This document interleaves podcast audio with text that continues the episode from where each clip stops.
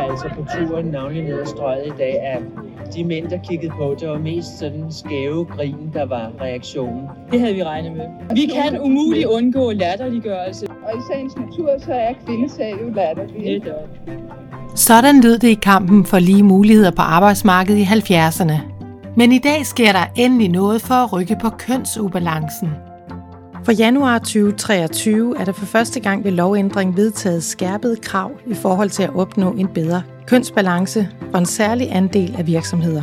Vi vil gerne hjælpe til at skabe nogle gode dialoger ude i virksomhederne, og øh, faktisk det eneste, man kan gøre, øh, som vi kunne sige var lidt forkert, det var måske ikke at ture og hoppe ud i det og bare prøve at, at se an. Derfor samler Dansk Industri og Dansk Erhvervsliv i et mangfoldighedsløfte. Vi øh, opfordrer alle virksomheder til at skrive under. Vi øh, har store ambitioner på det her område. Vi tror på, at vi kan flytte det i fællesskab og, øh, og ved noget hjælp fra gode kræfter, både her i DI, men også nogle af de samarbejdspartnere, som vi har. Men hvad er op og ned, når det kommer til kønsbalancen? Er køn en kompetence, og er der overhovedet en upside for virksomhederne i at prioritere det? I en barselsperiode, både for fædre og mødre, der tilegner man sig faktisk nogle kompetencer, som er helt unikke, som faktisk er noget af det, som hverken AI eller andre teknologier kan udkonkurrere. Velkommen til podcastserien Alle Talenter i Spil. Jeg har besøg af to underdirektører fra Dansk Industri. Det er Pernille Eriksen fra Ledelse og Virksomhedsudvikling, og det er Mikkel Hårder fra Kompetencer og Viden. Dansk Industri vil engagere det danske erhvervsliv i et mangfoldighedsløfte.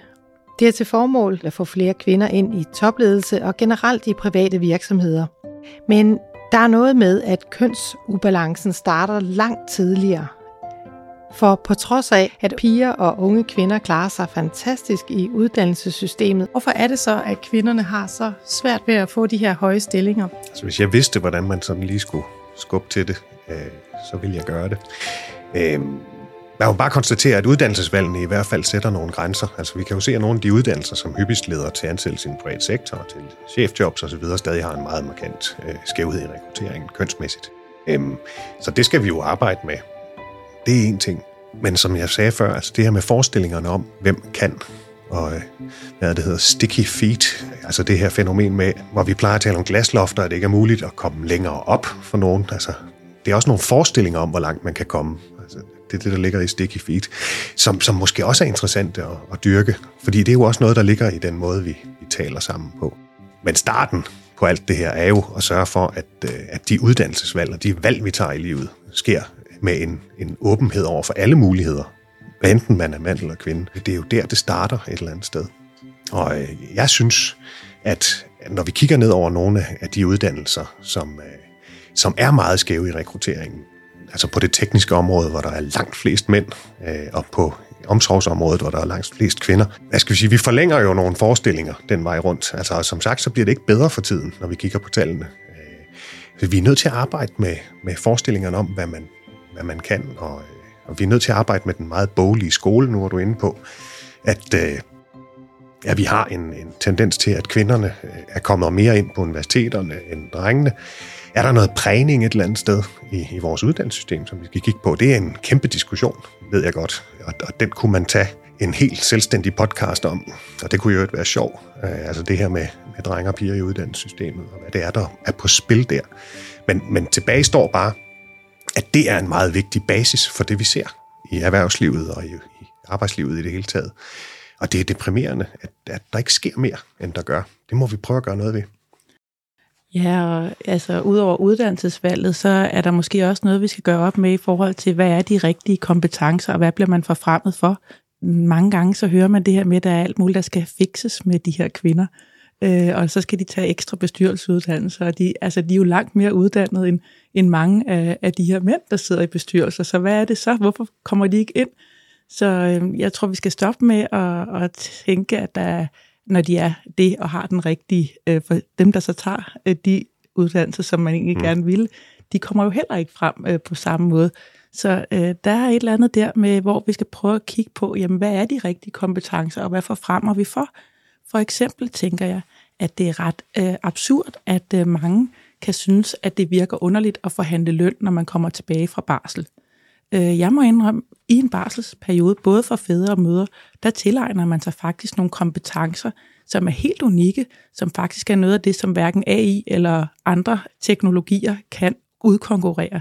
Så man får faktisk nogle kompetencer under barsel, som er virkelig vigtige og faktisk bliver vigtigere i fremtiden. Altså sådan noget som at være rummelig eller udvise empati, øh, være lyttende, være tålmodig. Øh, alle sådan nogle ting, som faktisk er sindssygt vigtige for en arbejdsplads og for at kunne levere gode resultater. Måske skulle man også gøre op med det, og hvordan kunne man egentlig gøre det mere naturligt, at man, når man kommer tilbage fra barsel, tænkes ind øh, både under barsel og efter. Så der er også et eller andet strukturelt, hvor at vi skal ind og, og prøve at arbejde med, med nogle forestillinger, nogle fordomme omkring, hvad er kompetencer, og hvornår tilegner man sig kompetencer. For det kan man lige så vel gøre under barsel, øh, som når man er på arbejde.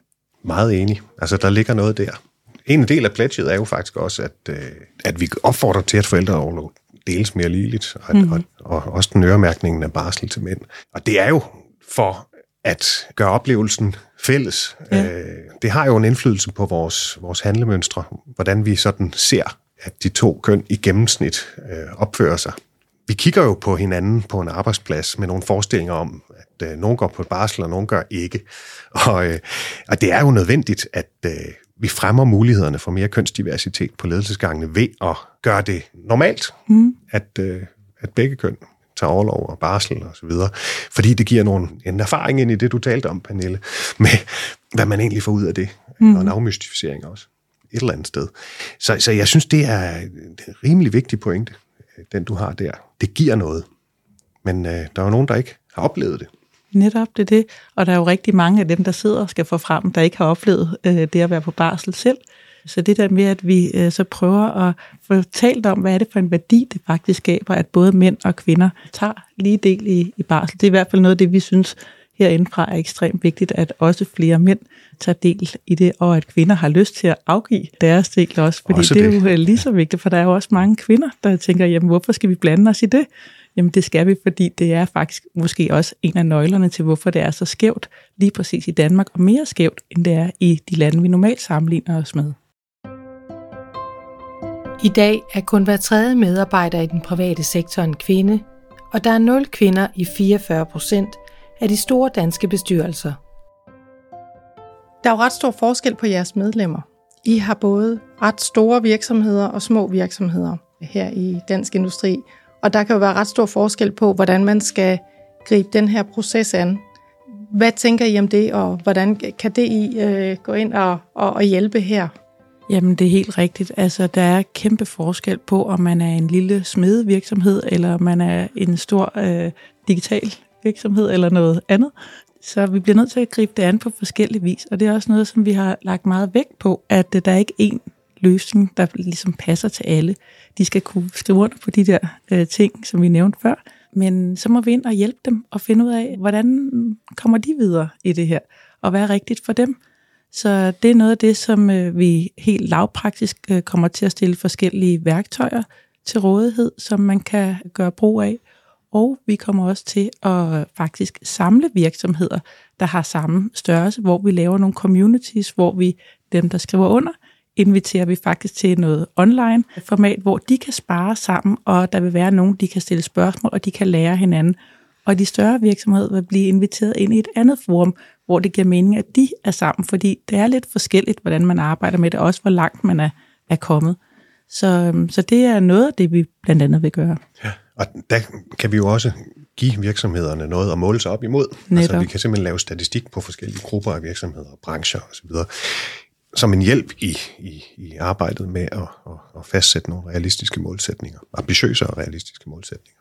Ja, det synes jeg faktisk er rigtig godt, at øh, I fra, fra din enhed, Mikkel, øh, tilbyder det her med, at alle, der skriver under, faktisk får en rapport i forhold til en analyse af, af deres branche, og hvordan ser det ud med fordeling af mænd og kvinder, så man også kan sætte sig nogle realistiske mål. Så for eksempel, hvis man er i byggebranchen, kan så få en rapport og sige, jamen der er måske 9% kvinder i byggebranchen inden for ledelseslagene, jamen så ved man, at, at det er den talentpulje, man ligesom har. Så i stedet for, at man har 0% kvinder, skulle vi så ikke bare sætte det til 9, fordi det er trods alt øh, noget bedre, og det er også realistisk, det er ambitiøst vil det være for den pågældende virksomhed, men så ved man ligesom, hvad er den sø, vi fisker i, øh, hvor mange kan vi fiske efter der. Og det synes jeg er et rigtig godt tiltag, at vi, vi tilbyder det nu her til alle dem, der skal åbne. Det er det. Det skal jo gerne være realistisk. Ja. Og ambitiøst. Nemlig. Det er jo de to, hvad skal vi sige, ben, vi står på. Tak til jer, Pernille og Mikkel, for at fortælle os om de tanker, der ligger bag mangfoldighedsløftet, og jeres gode arbejde med at opfordre til, at virksomhederne tager fat. Denne podcast er produceret af Dansk Industri i 2023 i forbindelse med diversitetsindsatsen Mangfoldighedsløftet, The Gender Diversity Pledge. Mit navn er Mika Fuglede.